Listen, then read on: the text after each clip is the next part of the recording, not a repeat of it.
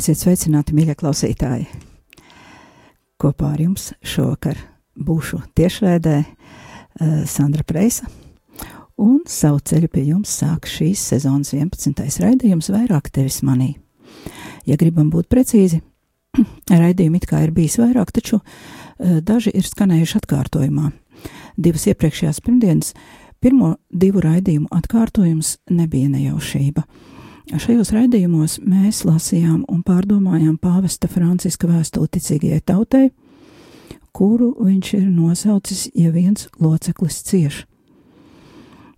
Jo e, mūs šeit Latvijā var pārņemt sajūta, ka Latvijas un amerikāņu baznīcas ir kaut kas ļoti tāls savā starpā, un tas, kas notiek pāri okeānam otrajā pusē, pilnīgi nav aktuāls latviešu ticīgajiem taču tie ir maldi, pie tam maldi doktrinālā līmenī. Jo nav tādas Latvijas, ASV, Kanādas, Īrijas vai Vācijas baznīcas, vai vēl kaut kādas citas atsevišķas katoļu baznīcas. Ticības apliecībā mēs sakām, es ticu uz vienu svētu, katolisku un apustulisku baznīcu.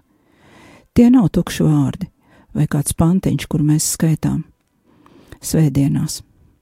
Ir viena Svēta Romas katoliskā baznīca, un tai pieder visi, kuri apliecina savu ticību iepriekš minētajā veidā. Gan es, katrs no jums, mīļie klausītāji, un jebkurš ticības brālis vai māsa, neatkarīgi no tā, kur viņš dzīvo, kādā valodā apliecina savu ticību. Tāpēc, ja kaut kur cieš kaut viens šīs baznīcas loceklis, kur, kā mēs zinām no svētajiem rakstiem, ir viena miesa ar daudziem locekļiem, tad sāp visai miesai. Baznīca ir svēta, jo tā ir Kristus miesa, kam galva ir pats Kristus. Taču tās miesa sastāv arī no mums, cilvēkiem, kas esam spējīgi darīt grēku, un tā tad, ja viens cilvēks kaut kur dara grēku, cieš visa baznīca tieši tāpat, kā visa baznīca iegūst, ja Baznīcā ir ticības apliecinātāji, mocekļi un svēti cilvēki, jo mēs ļoti labi zinām arī par atlaidām, kuras mēs saņemam svēto cilvēku nopelnu dēļ. Un tieši tāpat kā šīs atlaides un visi labumi, ko svētie cilvēki ir ar savu dzīvi ieguvuši uh, citu cilvēku labā, tieši tāpat atkal ļaunums var nodarīt visai baznīcai pāri, neskatoties uz to, ka šis ļaunums notiek kaut kādā ļoti, ļoti tālā vietā, un to dara mums pilnīgi nepazīstami cilvēki. Un kā jau arī iepriekšējos raidījumos teicu, tā ir ļoti laba eh, sevis pārbaudīšana, vai, vai un cik lielā mērā mēs izdzīvojam savu piedarību baznīcā. Mēs vienmēr varam uzdot savu jautājumu, vai man sāp, vai man sāp tad, kad sāp otram, un, kas ir svarīgākais, vai man sāp tad, kad sāp pašam Kristum, jo Kristus ir baznīcas galva, un tā tad, ja sāp visai baznīcai, tad nevar būt tā, ka galvai nesāp un sāp tikai ķermenim, protams. Tātad šovakar turpināsim pārdomāt par savu vietu un aicinājumu šajā ievainotajā, bet svētajā Kristus miesā.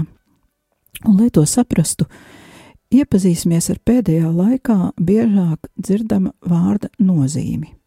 Šis vārds ir skandāls. Katram no mums ir kaut kāds priekšstats par šā vārda nozīmi. Katrs no mums iedomājas, kad dzird šo vārdu skandāls, kaut ko, kas viņam liekas, ko tas nozīmē. Un tādēļ arī aicinu, ja jums ir iedvesma un telefons pie rokas, uh, Tā tad eh, atsūtīt, eh, varbūt īsiņā kādus pāris vārdiņus. Kā jums liekas, kas, ko jūs domājat, kad jūs dzirdat vārdu skandāls, kas jums ienāk prātā tajā brīdī? Telefona numurs izziņai ir 266 77 272. Raidījuma laikā varat sūtīt, un tad kaut kur, nezinu, raidījuma vidū beigās uh, arī nolasīšu ko jūs esat iesūtījuši vienkārši intereses pēc tādēļ, ka ikdienā mēs šo vārdu lietojam nu, tā kā mēs viņu saprotam, eh, bet teoloģijā šim vārdam ir pavisam īpaša nozīme un pavisam atšķirīga no tā, eh, ko mēs saprotam. Un tādēļ būtu ļoti interesanti vienkārši paskatīties, eh, kā mēs katrs, kāda ir pirmā doma, kad mēs šo vārdu dzirdam. Ja? Tātad telefona numurs 266 77 272 266 77 2 72. Gaidīšu jūsu izziņas un turpināsim raidījumu. Tagad palūksimies, palūksimies atkal ar pāvesta Benedikta tekstu, lūkšanas tekstu, un nospēlēsim kādu adventa dziesmu, jo gal galā ir sācies advents, Kristus gaidīšanas laiks, un pēc lūkšanas turpināsim raidījumu. Dieva tēva un dēla un svētā gara vārdā Āmen. Kungs! Tava baznīca bieži liekas kā slīkstošs kuģis, kurā ūdens smeļas iekšā no visām pusēm. Tavos laukos ir vairāk nezāļu nekā kviešu. Tavas baznīcas dubļos novārtītās drēbes un seja rada mūsos apjukumu un neizpratni. Bet tie esam mēs paši, kas tās esam novārtījuši. Tie esam mēs paši, kas esam tevi nodevuši atkal un atkal, neskatoties uz mūsu cēlajiem vārdiem un dižanajiem žestiem apžēlojies par savu baznīcu. Ādams tās iekšienē joprojām turpina krist. Kad mēs krītam, mēs nogāžam tevi dubļos, un sātans smejas, jo viņš cer, ka tu nespēsi vairs piecelties pēc tāda kritiena. Viņš cer, ka tavs baznīcas kritiens būs tevi tik ļoti ievainojis, ka tu paliksi guļam un vairs necelsies. Bet tu no jauna augšām celsies. Tu esi piecēlies, tu esi augšām cēlies un vari augšām celt arī mūs. Sārgi un svētī savu baznīcu, sārgi un svētī mūs visus. Āmen!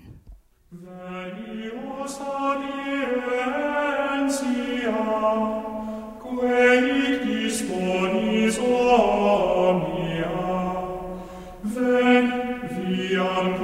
lands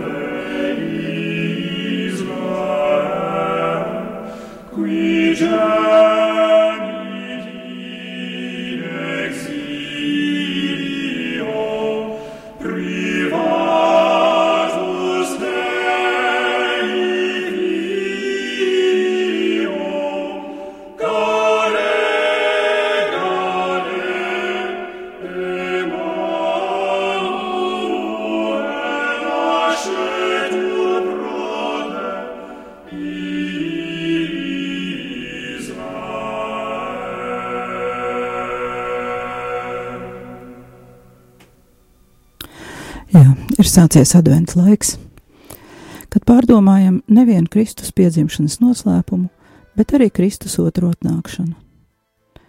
Tieši saistībā ar otru atnākšanu mums varētu rasties samērā nopietnas pārdomas. Es domāju, tā vismaz vajadzētu būt. Jo otrā atnākšana nozīmē, ka mums būs jāstājas Dievu priekšā un būs jāieskatās viņam acīs. Acīs tam, kurš mūs ir mīlējis tā kā neviens cits. Vai es esmu bijis labs dēls vai laba meita mīlošiem tēvam? Vai es uz mīlestību esmu atbildējis ar mīlestību? Tas ir jautājums sev pašiem. Mums vēl ir laiks, mēs nezinām cik, bet ja pašlaik jūs mani dzirdat, tad mēs visi vēl esam dzīvi. Mums vēl ir laiks šo dzīvi skaisti pabeigt. Bet vai mēs zinām, Ko tad īsti nozīmē mīlēt tēvu, dievu radītāju? Kā mēs varam to uzzināt? Lasot svētos rakstus, lūdzoties un iepazīstot baznīcas mācību.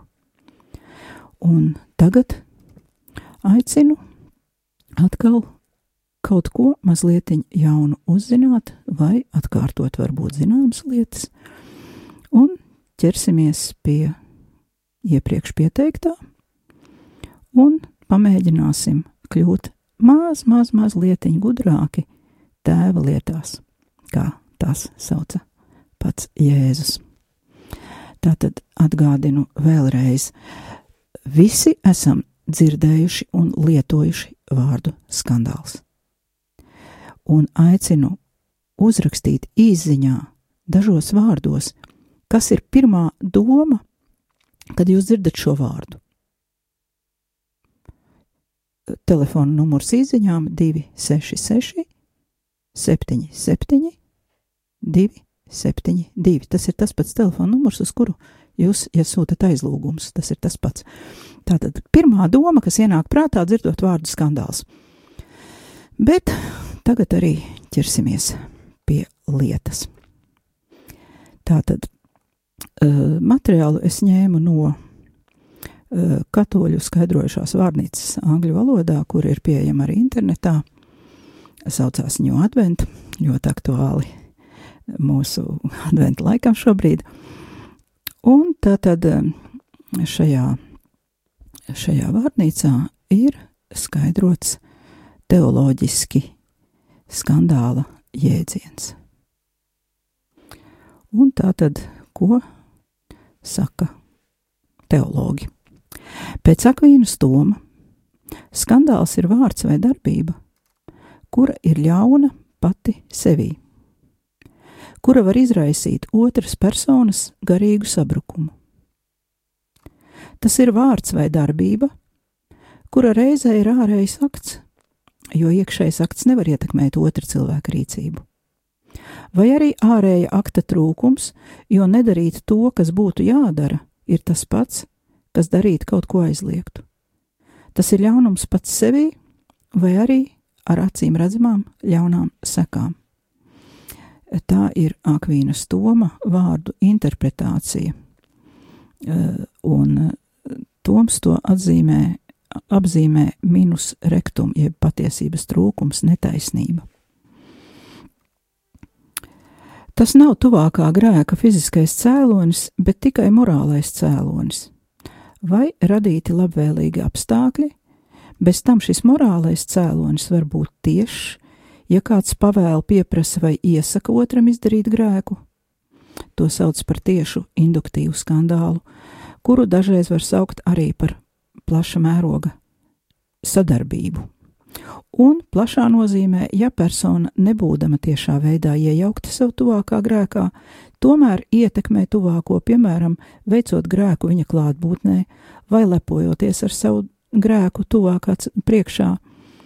Un tas ir induktīvs skandāls eh, plašākā nozīmē. Tāpēc, lai būtu skandāla matērija, ir nepieciešami un pietiekami, ja pati akta daba, tātad darbības daba, un apstākļi, kuros tas tiek veikts, ir tādi, kuri veicina otra cilvēka grēku. Tā tad nav tieši nepieciešams, lai tuvākais izdarītu grēku, bet pietiek ar to, ka viņš jau ir pieņēmis lēmumu iekšēji to izdarīt. Un tā tad iekšēji jau samaitāts. No otras puses, lai kaut ko varētu uzskatīt par skandālu tiešā nozīmē, nepietiek ar to, ka tuvākais atrod iemeslu darīt ļaunu kaut kādu mūsu vārdu vai darbu dēļ, kuri nav skandāla priekšmets, un tiem nav tiešas ārējas ietekmes uz viņa darbībām. Citāta beigas. Tagad minēšu kādus piemērus, vienkārši lai būtu labāk saprotams, ko tur mēs nu patās klausījāmies. Tātad, mm, kādā gadījumā ir vai nav mūsu rīcība skandāls, jeb iemesls otram cilvēkam izdarīt grēku, apgrēcināties vai tapt samaitātam. Tātad, kādam cilvēkam patīk kaut kas, kas jums pieder un viņš pieņem lēmumu jūs apzakt. Šādā gadījumā jūsu rīcībā nav skandāla pazīmju, jo jums drīkst piederēt jebkas. Fakts, ka jums kaut kas pieder, nav pamudinājums otram cilvēkam sagrēkot, tas nav pamudinājums uz zādzību vai skaudību, un jūs nekādā veidā neesat vainīgs sava tuvākā grēkā. Bet, ja jūs ar savām runām uzkūdat apzakt kādu trešo personu, vai arī kāds zaglis jums stāsta par savu nodomu, bet jūs neko nedarat, lai to apturētu, tad jau var runāt par skandālu, pat ja šajā situācijā tas otrs cilvēks eh, kaut kāda iemesla dēļ tomēr neko nenozog. Lai runātu par skandālu, tātad ir jābūt otra cilvēka garīgā sabrukuma faktam, tas ir lēmumam izdarīt grēku vai tieši izdarīts grēks. Ja kāda cilvēka runa vai rīcība attur tuvāko no lūkšanām, askēzes, evaņģēlisko padomu ievērošanas vai biežas komunijas pieņemšanas, to vēl nevar saukt par skandālu.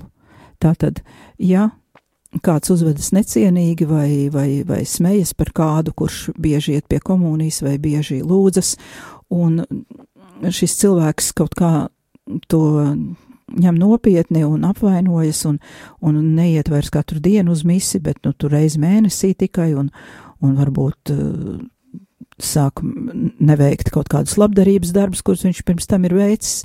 Tātad to vēl nevar saukt par skandālu, jo principā šis cilvēks nav sagrēkojis. Viņš vienkārši ir sācis atmest tikumus, kas, protams, arī nav labi. Bet tā tad par skandālu var saukt tikai situāciju, kad notiek otras personas smags sabrukums līdz pat grēka izdarīšanai. Un vēl mazākā mērā, kā saka avots, Par skandālu var uzskatīt kaut ko tādu, kas izraisa komentārus, nepatiku, šausmas vai ko tam līdzīgu, kā piemēram dieva zaimošana priestera vai klostera māsas klātbūtnē. Tā ir taisnība, ka tāda rīcība lieciniekos rada nepatiku un asu reakciju, un uh, tiek saukta par skandālu. Bet teoloģiskā nozīmē tas nav pareizi, jo tas nav skandāla grēks. Jo, lai gan kāds varbūt ir zaimojis Dievu publiski un izsaucis nepatikuši vai šausmas, tad nepatika un šausmas nav grēks. Viņš nav apgrēcinājis cilvēku, bet tikai izraisījis viņam negatīvu reakciju. Tātad šādā gadījumā, ja negatīvā reakcija nesasniedz to grēka līmeni, tātad šo rīcību nevar nosaukt par skandalozu. Bet uh, skandāls tātad ir ļauna darbība pati savā būtībā, vai vismaz tāda darbība, kas ārēji izskatās ļauna, un, da, un tāda darbība, kura izdara lielāku vai mazāku spiedienu uz otra cilvēka gribu un vedina viņu uz grēku. Tomēr, ja kādas personas rīcība, kura otru ir pavedinājusi uz grēku, nav ļauna pati sevī, vai vismaz ārēji neliekas ļauna, tā gan var sagraut tuvāk mīlestību otrā cilvēkā, bet stingri vērtējot, tas nebūs skandāla grēks, kā jau iepriekš minētā situācija, piemēram, kad cilvēks publiski kaut kur baznīcā zaimo vai, vai izturs necienīgi. Lai gan dažas autoritātes šādu rīcību tomēr skaidro arī ar vārdu skandāls plašākā nozīmē un ietver arī šāda veida situācijas eh, šajā skandāla definīcijā. Un atkal piemērs. Piemēram, kāds kristietis kurš citu varbūt jaunkristīto vai ticībā vājāku cilvēku vidū ir kļuvis par autoritāti. Un kādā kopīgā pasākumā viņu klātbūtnē piedzeras, vai flirtē ar svešu vīru vai sievu, vai varbūt tas ir priesteris, kurš flirtē vai kaut kā nepiedienīgi sāk uzvesties publiski. Tas var sagraut tuvāk mīlestību šajos cilvēkos, lai gan šie cilvēki darot tādas nu, neglītas lietas, nav tiešā veidā mudinājuši kādu otru cilvēku darīt grēku, un principā arī šis nodarījums varā, varbūt pat nav bijis tieši grēks. Tā ir bijusi nepiedienīga uzvedība, neglīta, bet tai nav sekojis grēks, baušļa pārkāpšana. Bet rīcība ir balansējusi uz grēka robežas. Tātad šādā situācijā, mm, kā jau iepriekš minēju, vispār stingri ņemot, tas nav skandāls, bet dažreiz atsevišķi teologi tomēr arī šādu rīcību uzskata par skandalozu. Un e, tam ir arī pamatojums svētajos rakstos. Marka evaņģēlijas 9,42, un ja kāds apgrēcina kādu no šiem mazajiem, kas tic uz mani, tam būtu labāk, ja tam dzirnakmeni uzkātu kaklā un to iemestu jūrā. Savukārt vēstule romiešiem 14, 20, 21 saka: Neposti dieva darbu ēdiena dēļ. Viss gan ir šķīsts pats par sevi, bet cilvēkam, kas ēdams apgrēcinās, tas ir par ļaunu. Tāpēc ir labāk neēst gaļu un nedzert vīnu, nedz arī ko citu darīt, kas brāli apgrēcina. Lūk, tāda ir arī Jēzus mācība. Tagad maza muzikālā pauzīte un pēc tam pabeigsim raidījumu, jo laiks jau tuvojas nobeigumam. Dod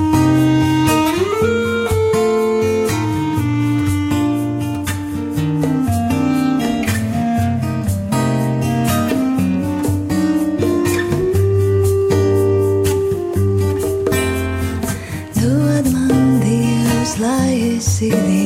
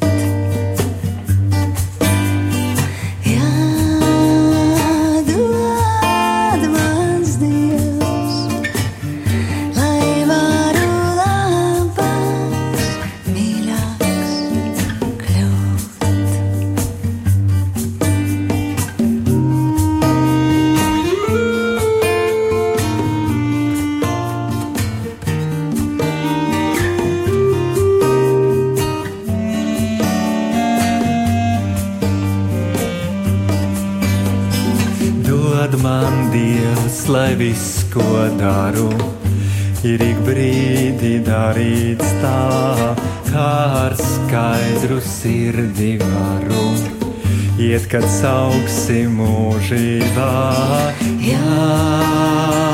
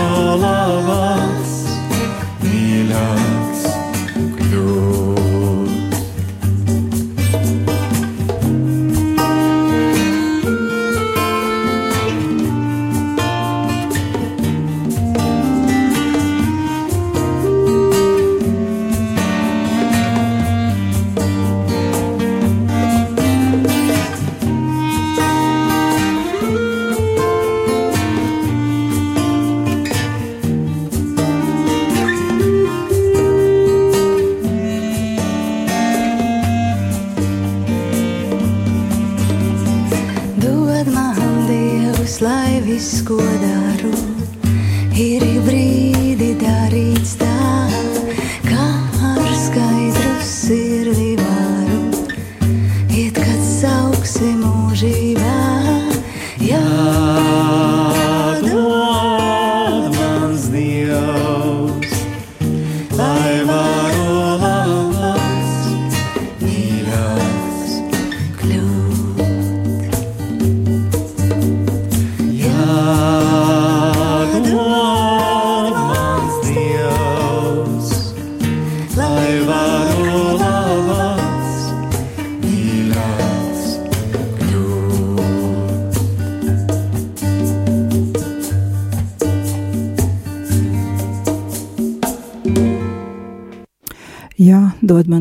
šī dziesma jau daudzkārt ir skanējusi raidījumos, bet, kā jūs redzat, mēs runājam par tādām tēmām, ka šis dziesmas teksts vienmēr, vienmēr paliek aktuāls. Dod man Dievs, lai es varētu kļūt labāks, jo mēs zinām, ka bez Dieva žēlastības mēs nevaram paši savā spēkā kļūt labāki. Lūk, tātad šodien runājam par skandālu, vēl mazliet no šīs skaidrojošās vārnīcas teksts, un tad jau arī beigsim. Ja tā tad um, iepriekš runājām par skandālu, kurš, uh, kuru vārdu, kur šo vārdu lieto nozīmē, ka uh, kāds iesaista otru cilvēku grēkā. Tātad skandālu iedala pasīvajā un aktīvajā skandālā. Un aktīvais skandāls ir tieši šis, ko mēs iepriekš definējām. Tas ir otra cilvēka ievešana grēkā. Savukārt pasīvais skandāls ir grēks, kurš izriet no aktīvā skandāla, tas ir aktīvā skandāla sekas, respektīvi grēks, kuru izdara šis grēkā ievestais cilvēks. Un pasīvo skandālu vēl uh, dala uh, tā saucamajā iedotajā, jeb dotajā skandālā, jeb latīniski skandālu, skandālum datum. Latviešu valodā ir grūti to izteikt, angliski būtu given skandālu. Ja, tā tad, ja skandāla izraisītāja rīcība ir bijusi apzināta un arī e, šī grēkojošā cilvēka rīcība, kurš ir reaģējis uz šo ieviešanu, e, grēkā ir apzināta un saistīta ar skandāla dabu skandaloza, kura ir, kā saka, tiešas sekas šim aktīvajam skandālam. Savukārt pasīvo skandālu sauc par saņemtu, jeb akceptumu, ja cilvēks, kuru tas otrs ir mudinājis uz grēku, gan izdara grēku, bet tas ir vairāk uh, saistīts ar viņa ne, nezināšanu vai vājumu. Tas ir viņa nezināšanas vai vājuma rezultāts. Ja viņš būtu zinošāks vai stiprāks gribā, viņš nebūtu šai skandālā iesaistījies. Vai arī vēl ir pasīvais skandāls, kuru izraisa ļaunums un naids, jeb tas saucās vēl farizeiskais skandāls, kur izraisa ļaunums un naids, kurš ir pašā cilvēkā iekšā, kurš to grēku dara. Un šī gadījumā tāda konkrēta aktīvā skandāla nav bijis. Kāpēc to sauc par farizējusku?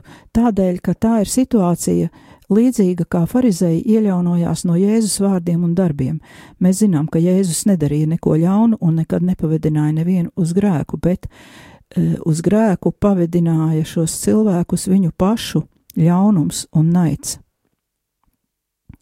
Un e, tā tad arī tas ir viens no skandāla veidiem, kuru mēs iepriekš kā runājām, e, ir, ir kas teologi, kas to tomēr neuzskata par skandālu, bet ir teologi, kas neuzskata to izraisītāju par skandālistu, bet tos cilvēkus, kuri uh, na, sava naida dēļ vai ļaunās sirds dēļ tomēr dara grēku, šo grēku sauc tomēr par skandālu, lai gan pasīvo. Lūk, tas ir neliels ieskats tajā, ko teologi domā, kad viņi runā un lieto vārdu skandāls. Un kāpēc es šo skaidrojumu um, šodien devu? Tādēļ, ka arī sakarā ar um, dažādām lietām, kas notiek baznīcā, arī sakarā ar šiem pedofilijas skandāliem, sakarā ar uh, homoseksuālismu, uh, kurš, diemžēl, nav savienojams ar kalpojumu baznīcā, vismaz kā priesteriem. Uh, visas šīs lietas eh, liek bieži vien mums dzirdēt šī sakarā šo vārdu skandāls, un mums ir jāsaprot, ka šeit, tajos ļaunajos darbos, ir skandāla sastāvs, bet mēs nedrīkstam šo ļauno darbu dēļ uh, iesaistīties un būt tāda pasīvā skandāla veicēji. Tādēļ mums ir labi jāapzinās, uh, ko mēs darām, kāda ir mūsu reakcija uz kaut kādu citu cilvēku ļaundarību, lai mēs šajā skandālā paši neiesaistītos un nevairotu ļaunumu. Mēs jau arī iepriekšējos raidījumos runājām, ka mūsu uzdevums ir lūkšana pats, pats galvenais uzdevums, ko mēs šobrīd varam darīt, lūgties par baznīcu. Un nākamajā raidījumā tad mēs vēl turpināsim tēmu, paskatīsimies vēl, kādi ir baznīcas norādījumi, kā no skandāla izvairīties, un arī par sekām parunāsim, kādas ir iespējamas un ko mums darīt, ja mēs sastopamies jau ar tiem, kuri ir cietuši skandāla rezultātā. Bet tagad noslēgsim raidījumu ar lūkšanu svētiem erceņģelim Miķelim, baznīcas nodomā, kā mūs ir lūdzis lūgties pāvests Francisks. Dieva tēva un dēla un svētā gara vārdā Āmen. Svētais arcēnģeli Miķeli, palīdzi mums cīņā! Esi mūsu aizsargs pret vēlna ļaunumu un viltībām. Dievs, lai viņam pavēltā mēs pazemīgi lūdzam, bet tu, debesu kara pulka vadoni, ar dievišķo spēku iedzenēlē sātanu un visus ļaunos garus, kas klejo pa pasauli, lai samaitātu dvēseles. Āmen! Un redzu, ka ir arī pienākušas dažas izziņas, un tādēļ es vēl atļaušos arī tās nolasīt. Tā tad, kādas ir versijas par skandālu? Aha, viens cilvēks saka, ka skandāls bija Franča trasuna ekskomunikācija.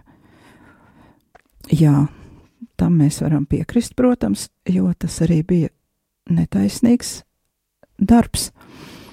Nu, lai gan varbūt tagad ātrumā nevērtēsim. Tagad mm, skandāls ir izaicinoša neētiska rīcība, kas pārkāpja sabiedrības normas. Jā.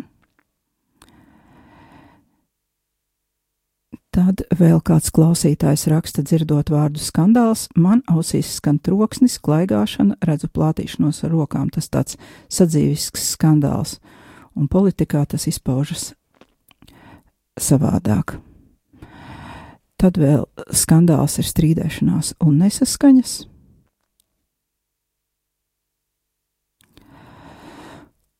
Nu, paldies, liels paldies visiem tiem, kas uzrakstīja, kas piedalījās, un jūs arī dzirdējāt tātad, eh, ko teologi saka par to, kas ir skandāls.